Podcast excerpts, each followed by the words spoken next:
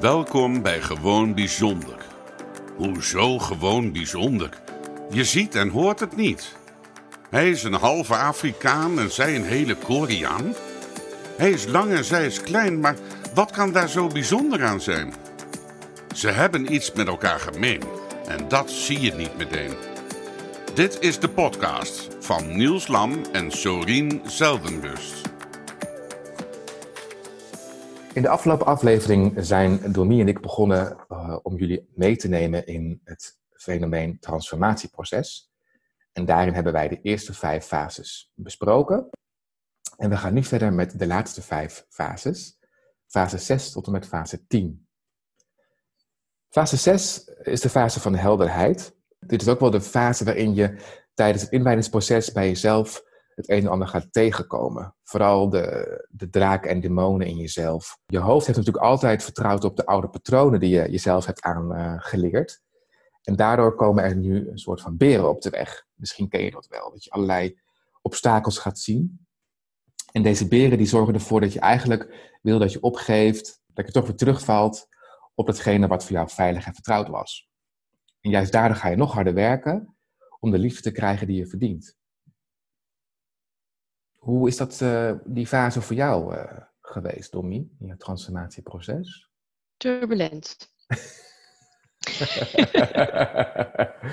Zo, dat kan bijna uit je tenen. Ja, turbulent. Beren op de weg, die, die blijven op mijn weg. Nou, ze worden wel minder, moet ik zeggen. Maar ik, uh, ik heb altijd de kampen gehad met beren op de weg. Het is een deel faalangst. Het is het zijn stemmen in mijn hoofd die zeggen dat ik het niet kan of dat ik toch een, een stapje terug moet doen en het is te hoog gegrepen voor je. Dus die hebben me wel vaak teruggetrokken in oude patronen. En nog steeds hoor, heb ik ze wel eens. Ja. En, en als je dan kijkt naar die oude patronen en je maakt daar een koppeling mee met, met je adoptiestuk, kan je daar dan nog iets van herinneren? Herinneren in de zin van. Nou, herinneren, nou ja, herinneren in het, feit dat je tijdens je adoptieproces, toen je je bent gaan transformeren tot eh, wie je nu bent, heb je dan ook inderdaad die fase gekend dat je dan toch weer liever terug wilde naar het oude vertrouwde stuk, voordat je met je adoptie bezig was, bijvoorbeeld? Dat je dus niet de, de dat aandurfde te gaan, dat je hè, dat, niet die pijnen wilde aangaan. Of ja. Ik kan me wel vaag herinneren dat ik die fase heb gehad tijdens mijn zwaarste moment tijdens mijn proces. Mhm. Dat ik echt dacht van dit, is, dit doet echt pijn. Dit kom ik hier wel uit. En dat je dan wel verleid wordt om terug te vallen in oude patronen. Om het weer te vergeten en, en te negeren. Maar ik heb ook heel geleerd op dat moment om door te pakken. Omdat ik wist op dat moment ook dat die oude patronen mij niks gegeven hadden. En dat ik echt heel graag wilde weten wat hierna kwam na die, na die pijn, na, die, na dat nieuwe enge gevoel. En dat doorpakken, kan je dan een voorbeeld geven hoe je dat dan hebt gedaan? Je echt bewust zijn van wat je voelt. Stilstaan bij dat het, dat het echt bij je hoort en dat het iets is wat je heel lang hebt weggestopt.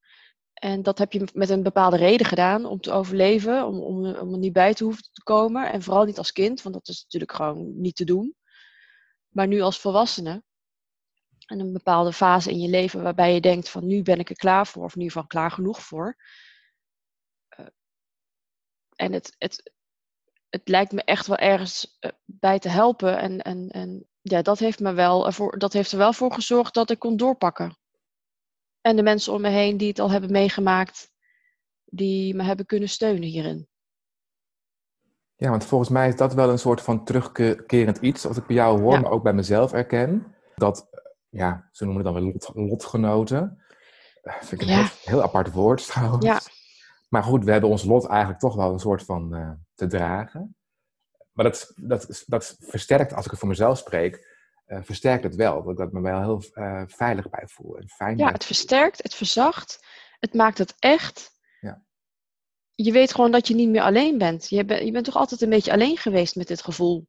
Mhm. Van waarom ben ik nou altijd zo verdrietig? Of waarom ben ik zo snel verdrietig? En, en al die emoties. Al dat eh, denken in je hoofd. Dat, dat, die overuren die je draaide in je hoofd. Waar diende dat voor? En als je, daarop gaat, als je daarop gaat focussen. En ontdekt waar het vandaan komt en waar het voor dient en waar het vooral niet voor dient, dan kan je eraan gaan werken. Ja. En als je daar mensen voor nodig hebt die, die op jouw level zitten, ja, dan moet je er echt gebruik van maken. Want dat, is, dat werkt zeker uh, helend. En ik had, ik had die mensen echt nodig. Ik, de mensen die ik in mijn leven al, al had, dus vrienden, familie en, uh, en zelfs mijn, mijn gezin, die stonden op dat moment gewoon wel even op een lager pitje. Ja. Een lagere plek, om het zo maar te zeggen. Ja. Die konden daar niet bij. Nee. Nee, vandaar dat het woord lotgenoten misschien toch een goed, goede term is. Om, want zij weten precies wat we, wat we doormaken, wat je doormaakt. En familie en vrienden tot een zekere hoogte. Ja. ja. En dat is niet erg. Dat Nee, is nee. ik heb moeten leren. Nee, dat is, een- ja. het is dat het zeker niet erg is en dat het, ja. Ja, dat klopt. Het is niet te begrijpen. En je kan het ze wel uitleggen, maar soms moet je gewoon dat niet doen. En, en heel selectief dat, dat eh, delen met andere mensen. Ja. Ja, kijk, en deze fase van helderheid, hè, ehm, eh, wat ik al zei, hè, die beren op de weg zien, hè, dat kunnen inderdaad hele grote beren zijn. Mm. En waar je dan, wat dan, wat dan eh, op een gegeven moment de vervolgstap is, vanaf deze fase is de fase van het breken, eh, ook wel fase nummer 7 genoemd. En eh, dat is het punt waarop je ego breekt. En opeens in, de, in deze fase ontdek je dat ideeën die je eigenlijk altijd had, tot voor kort over de werkelijkheid, en ook over bepaalde mensen, dat die eigenlijk helemaal niet waar zijn. En dat je dus eigenlijk binnenin jezelf dan een, een gevecht aan het creëren bent. Hè, dat je altijd bepaalde mensen op afstand hebt gehouden, bewust. En dat je ook dingen hebt verloren. En dat je zo hard hebt moeten vechten om jezelf veilig te kunnen voelen. En op een gegeven moment is er geen weg meer terug. En dan kan het leiden tot een fase van hele diepe angst of wanhoop. En eh, wat er resulteert in het feit dat je, ja, alles wat je doet, het werkt niet meer voor jou. En eh, dat noemen we ook wel het loslaatproces. En dat kan hele heftige vormen aannemen. Hoeft overigens niet. Dat is per persoon toch ook alweer verschillend. En het ego ja, kan ook eh, ervoor kiezen om het in fases eh, op te gaan lossen. Deze fase van breken, heb jij deze fase gehad? Ja, nou, ik heb niet het idee dat ik echt ben gebroken. Mhm. Mm, Ik denk dat dat weer wat meer geleidelijker aan is gegaan. Dus bij jou is het ego hè, wat geleidelijker. Ja, in losse stukjes je net van afgebrokkeld. Ja.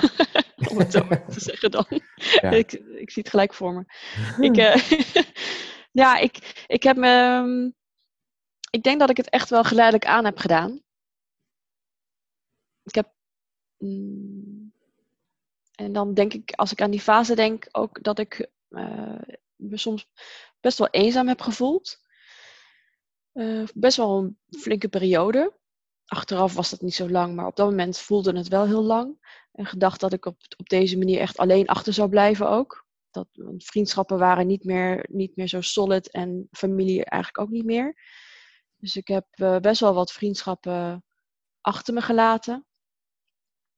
Ehm, maar uiteindelijk heb ik wel geleerd dat de mensen die op dat moment in mijn leven waren gebleven of juist gekomen, dat dat de mensen waren die er voor mij toe deden. En, en dat zij mij echt konden zien zoals ik was, omdat ik me ook liet zien zoals ik was op dat Mhm. moment. Mhm. En dat ik ehm, ook genoeg had aan kleinere groepjes dierbare mensen.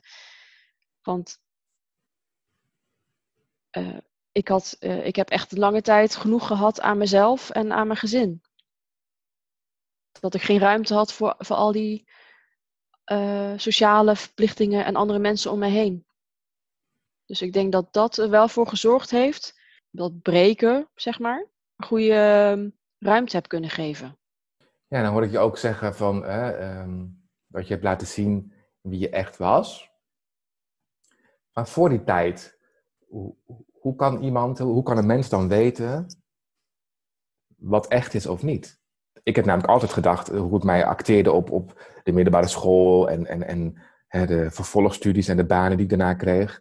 Voordat ik echt met het transformatieproces hè, me daarvan bewust was. Dat ik ook gewoon ben zoals ik hè, toen deed en eh, was zoals ik toen dat ik ook zo was zoals ik toen deed, sorry. Mhm. Maar heb jij echt altijd ook op dat moment gedacht, dit ben ik? Of heb je Heb je dat altijd gedacht? Nou, ik weet wel, als ik er nu op terugkijk, dat ik nu echt kan zeggen van, mm, mm, dat is toch wel, toch, ja, nee, dat, dat, dat, Dat was gemaakt. dat was Ja, dat is makkelijk gezegd achteraf. Dat, Ja. kan iedereen wel, wel zeggen achteraf van, nou, dat was ik dus niet. ja. Maar op dat moment zelf, heb je dan echt altijd gedacht, dit ben ik? Nou, ik was me er niet mee, ik was me dus niet zo mee, mee bezig. Dus als ik, als ik opstond, ging ik niet tegen mezelf zeggen, ik ga nu eh, de komende acht tot tien uur heel bewust eh, eh, elke seconde van de, van de dag zeggen, dit ben ik. Snap je? Ik ben nu even, nee, ben dat is niet ik ben hem nu even heel erg aan het, aan het misschien kort door de bocht aan het uitleggen. Maar om aan te geven van, hoe kan iemand, hè, zeker als mensen dit, deze podcast gaan luisteren, hoe kunnen mensen nu weten dat wie ze nu zijn, of dat ze dat echt zijn? Of dat het nog even moet, hè, of, dat, of dat er nog moet komen dat ze dat nog nooit, of dat ze daar nog niet zijn geweest. Dat, dat vind ik even lastig te, te, begrijpen. Ja, daarom ik ben blij dat je dit zegt, want dat is een beetje waar ik naartoe wilde. Ik denk namelijk dat je altijd wel onbewust en soms een heel klein beetje dat bewustzijn aantikt, dat je, dat je beseft dat je niet helemaal jezelf bent. Ik denk dat je daarom ook je, tenminste als ik voor mezelf spreek, je regelmatig hebt aangepast. Aan situaties, aan groepjes, eh, aan, aan omgeving. Ik ben me er best wel bewust van geweest, eh, als kind zijnde en eh, adolescent zijnde, dat ik me heel makkelijk kon aanpassen. En misschien dat dat mij wel altijd de vraag heeft gegeven, of het vraagteken heeft gegeven van wie ben ik nou echt? Ben ik die vrolijke, outgoing persoon of ben ik juist meer die gesloten? ehm, nou, ik ben nooit echt heel gesloten geweest, dus dat is geen goed voorbeeld. Maar Hm.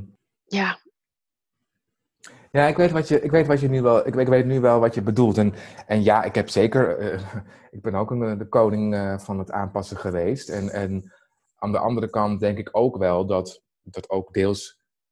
Ik merkte het achteraf, nou, achteraf, als ik er nu op terugkijk, ik merkte het wel in mijn reacties bijvoorbeeld. Als ik bijvoorbeeld eh, iets deed of juist iets niet deed, dan had ik er altijd wel een bepaald, eh, ja, niet echt behulpzaam gevoel, eh, hield ik daaraan over.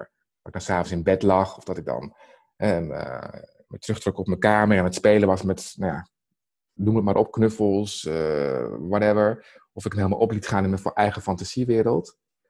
Dat ik me dan wel realiseerde van, hé, hey, maar dit is eigenlijk helemaal niet ben. Of, of dat ik ook echt verdrietig kon worden om een handeling die ik had gedaan. Of dat, dat ik denk van, maar, hè? Hmm. Dus, dus ik denk dat dat de momenten zijn dat mensen inderdaad, en als ik voor mezelf spreek, me dan bewust ben van, hé, maar dit, dit, dit past niet bij mij. En dat ik inderdaad heel veel dingen heb moeten doen om anderen te pleasen en anderen om, om, om aan te passen. Maar daadwerkelijk niet de dingen waren die, die bij mij pasten, inderdaad. Dat klopt. Nee. En nu ik ouder ben en dat allemaal meer kan laten beklijven in mijn systeem, is het nog makkelijker om het nu hè, te, eh, te voelen. Maar juist in die fase dat je nog zo jonger bent, dan is het gewoon, ja, hoe, hoe, hoe, moet een tiener of een ad- jonge adolescent, ze zijn er trouwens wel, maar hoe kunnen die al heel bewust zijn van wie ze zijn? Dat, dat, Ja, ja, dat hoort natuurlijk ook gewoon helemaal bij die fase. Dat je gewoon gaat ontdekken wie je bent, hoe je wil zijn, hoe je ja, wilt horen bij de groep. ja, klopt, Daar gaat het natuurlijk ook vooral om. klopt. Alleen heeft het voor ons een, voor de veel geadopteerden een extra eh, dimensie erop gehad. Ja. Nou, als je deze fase dan hebt doorlopen, dan kom je in fase 8. En dat heet risico. Nou, dat klinkt ook altijd weer heel spannend. Maar in deze fase heb je altijd de keuze. Ga je door op de oude weg of sla je een andere weg in? Ieder inzicht die je dan krijgt in deze fase is een aanwijzing die je kunt opvolgen. En kies je voor de nieuwe weg, dan kan je ook te maken krijgen met onveiligheid, onbekendheid. En dit kan het spannend gaan vinden. Dat is logisch, want het zijn dingen die je niet kent. Niemand anders is je voorgegaan op dit pad en je moet het helemaal in je eentje bewandelen. En daarin je eigen wegwijzer in vinden. En dan komen ook weer de bekende beren op de weg. De angsten kunnen eventueel weer om de hoek eh, eh, komen. wat we al eerder aangegeven hebben, geef deze angsten en beren op de weg ook de ruimte. door ze te erkennen en door ze te voelen. En dan zul je merken dat je uiteindelijk ook de kracht krijgt om controle te krijgen over het stuur en je eigen pad weer te gaan volgen. Ik gebruik altijd in deze, deze fase altijd een soort van metafoor in mijn coaching. Dat je dan een bus hebt waar jij dan achter het stuur zit. En dat achter in de bus al die beren en angsten op een stoel zitten. En dat ze dan één voor één het stuur wel eens willen overnemen. En dan is het in jou de kunst om ervoor te zorgen dat je die angsten en die beren weer terugzet achter in de bus. En dat je eigenlijk weer het stuur ja, overdurft, uh, overpakt. Ja, fase 8, risico. Domi, hoe, hoe, hoe, hoe is deze fase voor jou verlopen? Nou, als je het begint over, over het, het, woord risico alleen al, dan denk je van oeh. Maar als je het dan zo maar uitlegt wat risico eigenlijk inhoudt, dan valt het voor mij eigenlijk wel heel goed mee. Dan wordt het eigenlijk ook best wel mooi. Ik denk omdat ik die fase ook al heb mogen, mogen ervaren. Dus, dus dat je die, uh, dat je dat breekmoment hebt gehad uh, en dan overstapt op, op risico nemen. Als je het eenmaal gedaan hebt, dan is het allemaal helemaal niet meer zo eng. Dat is iets wat ik heel erg heb geleerd. Ik heb vaker in mijn leven impulsieve keuzes gemaakt. Maar dat waren volgens mij nooit hele enge keuzes als ik er zo op terugkijk. Maar als ik nu denk aan bijvoorbeeld uh, coach worden, wat voor mij vijf jaar heeft geduurd om, daar, om dat te bereiken, heb ik best wel wat risico's genomen. En tussendoor heb ik ook andere werkzaamheden moeten aanpakken om, uh, nou, om de studie te bekostigen bijvoorbeeld. En dat, neemt, dat nam ook risico met zich, risico's met zich mee.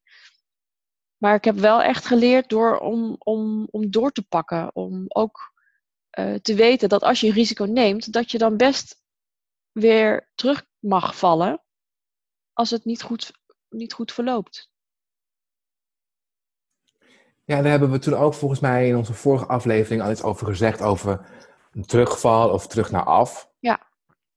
Ik zie het ook als een soort van um, hè, trein waar je in zit en dat je af en toe een uitstapje maakt naar een bepaald uh, perron om daar eventjes stil te staan. Of, of inderdaad uh, het perron van risico nemen, om het zo maar even te zeggen. En dat het niet erg is om, om, om dat te, te doen. Uh, twee stappen terug, één naar voren. Volgens mij is dat ook een liedje van Paula Abdul. Two steps ja, dat forward. vind ik wel een mooie. Ja. ja. want dat is ook echt zo. Je kan één stap terug doen. En toevallig dacht ik ook van de week aan. Als je een stapje terug doet, dan kan je daarna veel sneller weer je ritme pakken. Ja.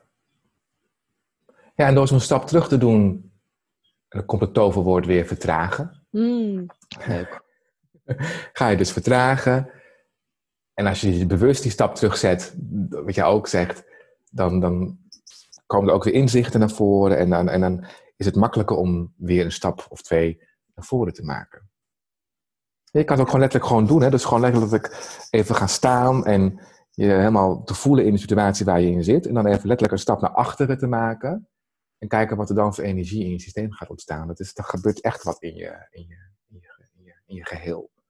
Dus, uh, dus risico is een, ja, wat je zegt, het is een, kan een raar woord zijn, maar ja, soms moet je ook risico's, of soms, je hebt risico's te nemen om vooruit te komen, denk ik. Ja. Nou, dan komen we alweer bij de, laat, bij de ene laatste fase, fase 9. Dat is de fase van de wachtstand. En tijdens het transformatieproces kan je terechtkomen in deze zogenaamde wachtstand. Dit is geen makkelijke fase. Hier begin je namelijk je potentie echt te voelen. Tegelijkertijd is hij nog niet gemanifesteerd. Je nieuwe bewustzijn heeft zich nog niet naar de buitenwereld vertaald. Soms kan zo'n wachtstand echt letterlijk jaren duren. Toch is er geen sprake van echte stilstand, eerder van integratie. Als je nieuwe bewustzijn neemt de tijd om te settelen en in te dalen. Je begint te belichamen wat je hebt geleerd. Ik ben even aan het kijken of ik überhaupt die fase al bereikt heb. Nou, ik denk dat ik, dat, jawel, dat ik, dat ik deze fase wel bereikt heb. In de context waarin, ik, waarin je dan op dat moment ook, denk ik, zit. Mm. Hoe, is Hoe dat bedoel je dat dan? Nou, kijk, ik ben natuurlijk uh, met mijn adoptieproces bezig gegaan een paar jaar geleden. Daarnaast ben ik ook, zit ik ook in een, in een relatie van 15 jaar. Die zijn nodige ups en downs heeft gekend. En daarin zit ik nu ook midden met mijn man in een soort van transformatieproces. Ik denk als je ook als werknemer binnen een bedrijf bijvoorbeeld, hè, of in je ontwikkeling als, als professional bijvoorbeeld, ergens heel lang kan zitten wachten in een bepaalde fase. Dus ik denk dat het ook daarin kan ontstaan. Dus onder, in, in dit losse delen van jezelf. En nu je dat zo zegt, denk ik ineens, we zitten allemaal best wel in een wachtstand tijdens de corona. Dat sowieso, ja. Dat is, dat is ook waarom steeds meer mensen tot een bepaald besef komen. Omdat ze op dit moment ook moeten stilstaan. Ja. Van wie ben ik, waar sta ik en waar wil ik naartoe? Ja, ja, en, en, en het leuke is daarin, vind ik, dat dan heb je altijd weer een aantal, hè, dan kan je weer onderverdelen in een, in een ja, soort van twee, drietal groepen. Je hebt een groep mensen die gaan door bij het bekende oude, dus die gaan, die gaan gewoon door alsof er niks gebeurd is. Je hebt een groep mensen die gaan inderdaad stilstaan en kijken van, hé, hey, wat gebeurt er? Vertragen. Uh, en je hebt een groep mensen die eigenlijk een beetje zou balanceren tussen ja, nee, wel, niet. Dat soort zaken. Ja. Ja. Ja, ieder doet het op zijn eigen tempo weer, hè? Klopt. Ieder doet, het, doet wat, op dat moment wat hij nodig heeft of wat hij, waar hij behoefte aan heeft. Ja. En in de voorbereiding had je al aangegeven dat jij op dit moment in deze fase zit. Ja, het is mijn uh, meest recente fase. Eigenlijk, het, is, het voelt alsof ik het een beetje achter me heb gelaten. Maar tegelijkertijd denk ik ook dat het iets is wat ik altijd wel gebruikt heb en blijf gebruiken. Ik, ik weet nog heel goed dat ik um, een paar jaar geleden dacht, uh, als ik de kinderen naar school had gebracht en ik kwam weer thuis, dan was ik, zat ik zo vol prikkels dat ik in een gang op een, stoel, op een kinderstoeltje ging zitten en ik daar achteraf besefte dat ik daar dan al bijna een half uur zat. Alleen maar gewoon te zitten met mijn jas nog aan. En dat vond ik op dat moment natuurlijk heel raar. Dat ik dacht van ja, dan zit ik gewoon hier, hier te niksen, een beetje voor me uit te staren. Maar ik besefte me later pas dat op, dat op zulke momenten gebeurt er juist heel veel bij mij in mijn hoofd. En dat, dat zijn momenten die ik dan ook nodig heb om even weer tot mezelf te komen. De, de, de, de prikkels die ik opvang buiten op straat en op schoolplein en andere mensen en dan weer aanpassen en oh ja en dit en dat gezellig. Dat is, dat is, een, dat is een fase heel vermoeiend voor mij geweest. En ja, dat, zou je ook nog kunnen zien als een wachtstand, een, mini-wachtstand, een beetje tussen de bedrijven door. Um, maar als ik bijvoorbeeld, als ik nu wacht, kijk naar de wachtstand die ik net achter me heb gelaten, dan is het denk ik toch de fase waarbij ik heb geroepen vijf jaar geleden: ik wil adoptiecoach worden. Hmm. En uh, de stap heb genomen om een, een adoptiecoach te vinden die mij hier meer over kon vertellen. Daarna ben ik begonnen aan, aan, groepsactiviteiten en het traject zelf bij die adoptiecoach. Mezelf flink ben tegengekomen. En ik denk dat ik sindsdien, sinds ik mezelf heb ontdekt in mijn persoonlijk proces, dat ik sindsdien in een, in een wachtstand heb gezeten tot, tot nu eigenlijk. Tot september ongeveer. Of in ieder geval dit jaar dat ik dacht van nu ga ik stappen maken. Nu ga ik het doen. Ja, Daarom denk ik dat het voor mij net een fase is geweest waarbij het in het groot, het, het wachten in het groot, voor mij wel even klaar is. Ja. Ja, dan zou je bijna kunnen zeggen of deze COVID-19-periode waar we in zitten, jou misschien dat setje in de rug heeft gegeven. Zou ook best kunnen doordat je dus, dat wat je net ook al zei, hè, we, we zitten allemaal in een wachtstand. Uh, als ik jou hoor praten, dan heb ik het gevoel dat jij iemand bent die in de afgelopen periode eh, veel naar binnen is gaan kijken bij zichzelf.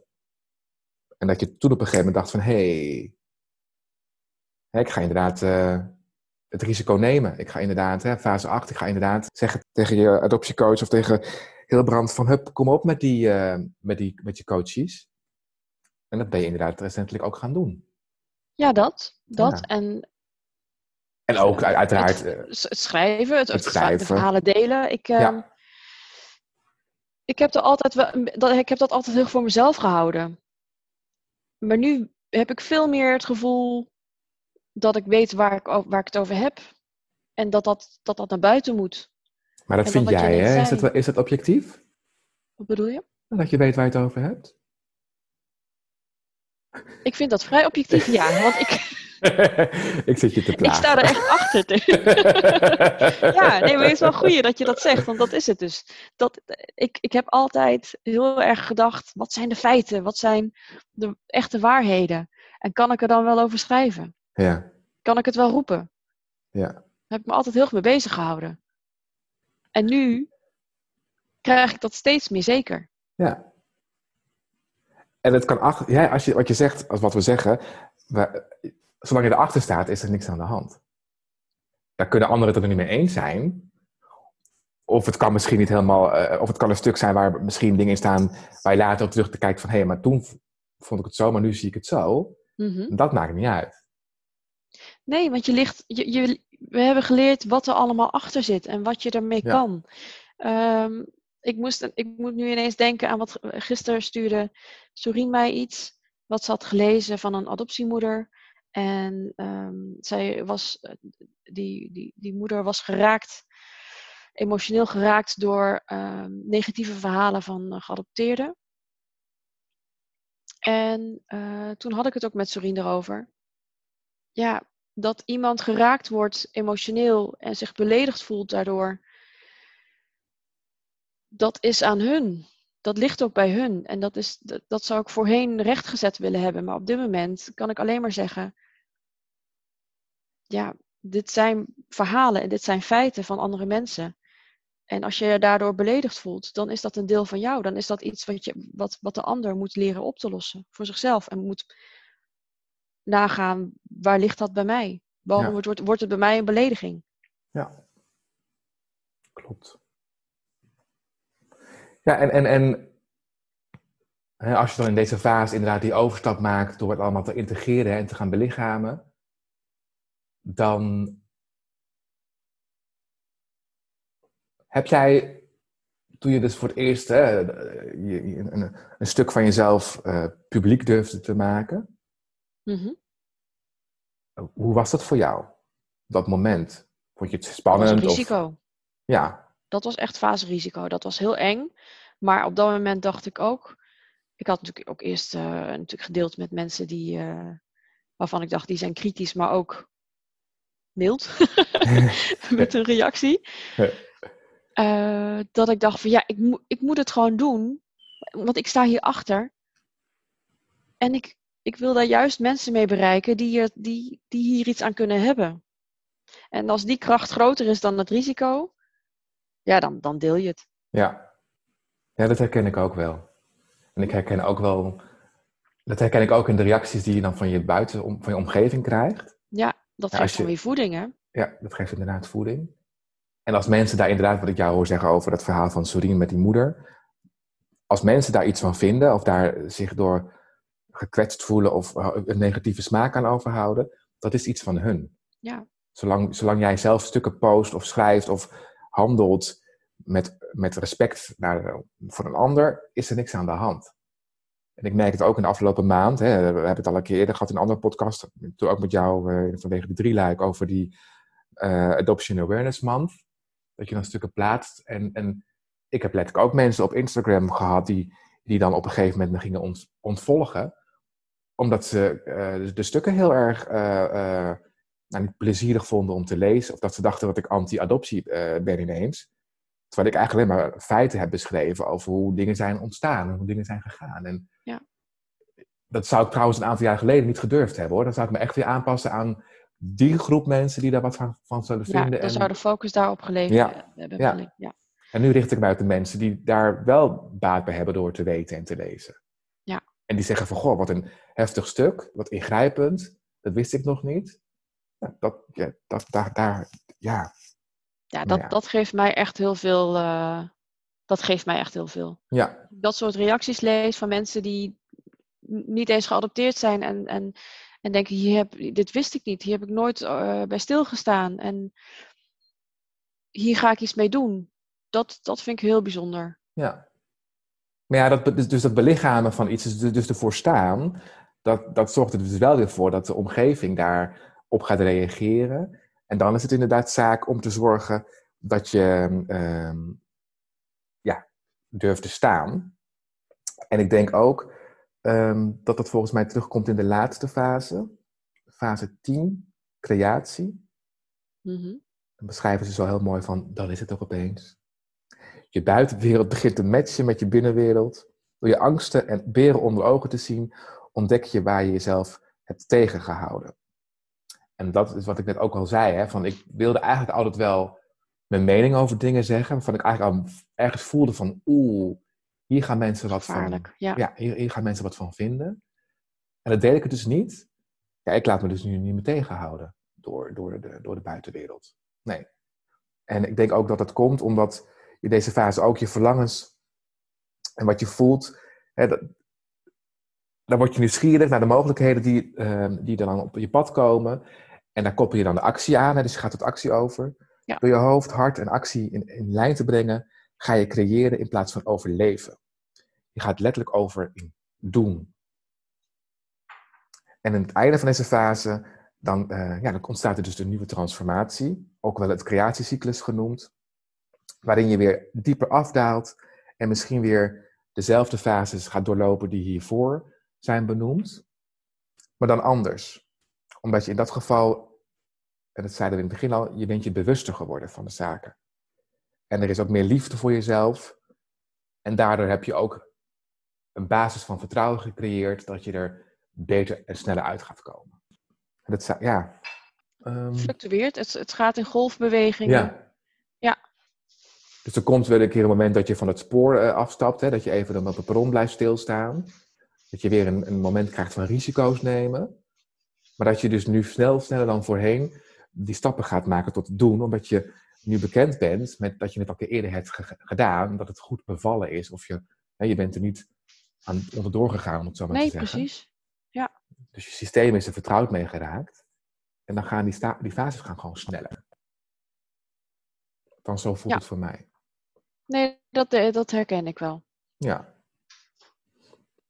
Even terugkijken nu naar het hele transformatieproces. En dat koppelen aan het hele adoptiegebeuren. Mm Zijn er dan nog dingen die we kunnen meegeven aan onze luisteraars als het gaat om tips en tricks? Gewoon doen. ik, zit, ik zit daar middenin. Ik hoor alleen Ja. maar om me heen. Gewoon doen, gewoon Ja. doen. In mijn hoofd vooral. Gewoon doen. En dat is makkelijker gezegd dan gedaan. Ja, Maar doen betekent niet dat je al meteen dat doet wat je eigenlijk wil bereiken. Maar dat het doen is ook al gewoon de eerste stap maken. ja, Doen is ook al gewoon je bewust worden van je oude patronen. En wat, wat kan je ermee en wat wil je ermee en wat wil je er niet meer mee. ja. Dat is ook al doen. Eigenlijk is het inderdaad, ja, dat is altijd zo, hè? Dat zei, de, zei mijn grootmoeder altijd al. Achteraf gepraat is dat makkelijker, dat soort zaken. Mhm. Het is gewoon inderdaad daadwerkelijk doen. En laten we wel wezen, zo'n 80 tot 90 procent van de dingen die wij in ons hoofd hebben zitten, al die beren die we op de weg zelf creëren, daarvan, daarvan komt inderdaad eh 90 procent nooit uit. Dus vertrouw gewoon op hetgene wat er gaat ontstaan, Ja. door het gewoon te gaan doen. Richt je op de mogelijkheden. Kleine stapjes, Hele kleine stapjes. ja. Ja, Dan, dan komt het vanzelf. Dit was de podcast van Gewoon Bijzonder. Niels en Sorien horen graag wat je van de podcast vindt. Wil je een review achterlaten of wil je iets delen? Je kan ze vinden op Instagram, Facebook en hun eigen website gewoonbijzonder.nl. En als je daar dan toch een kijkje neemt, volg, like en deel deze podcast. Dankjewel.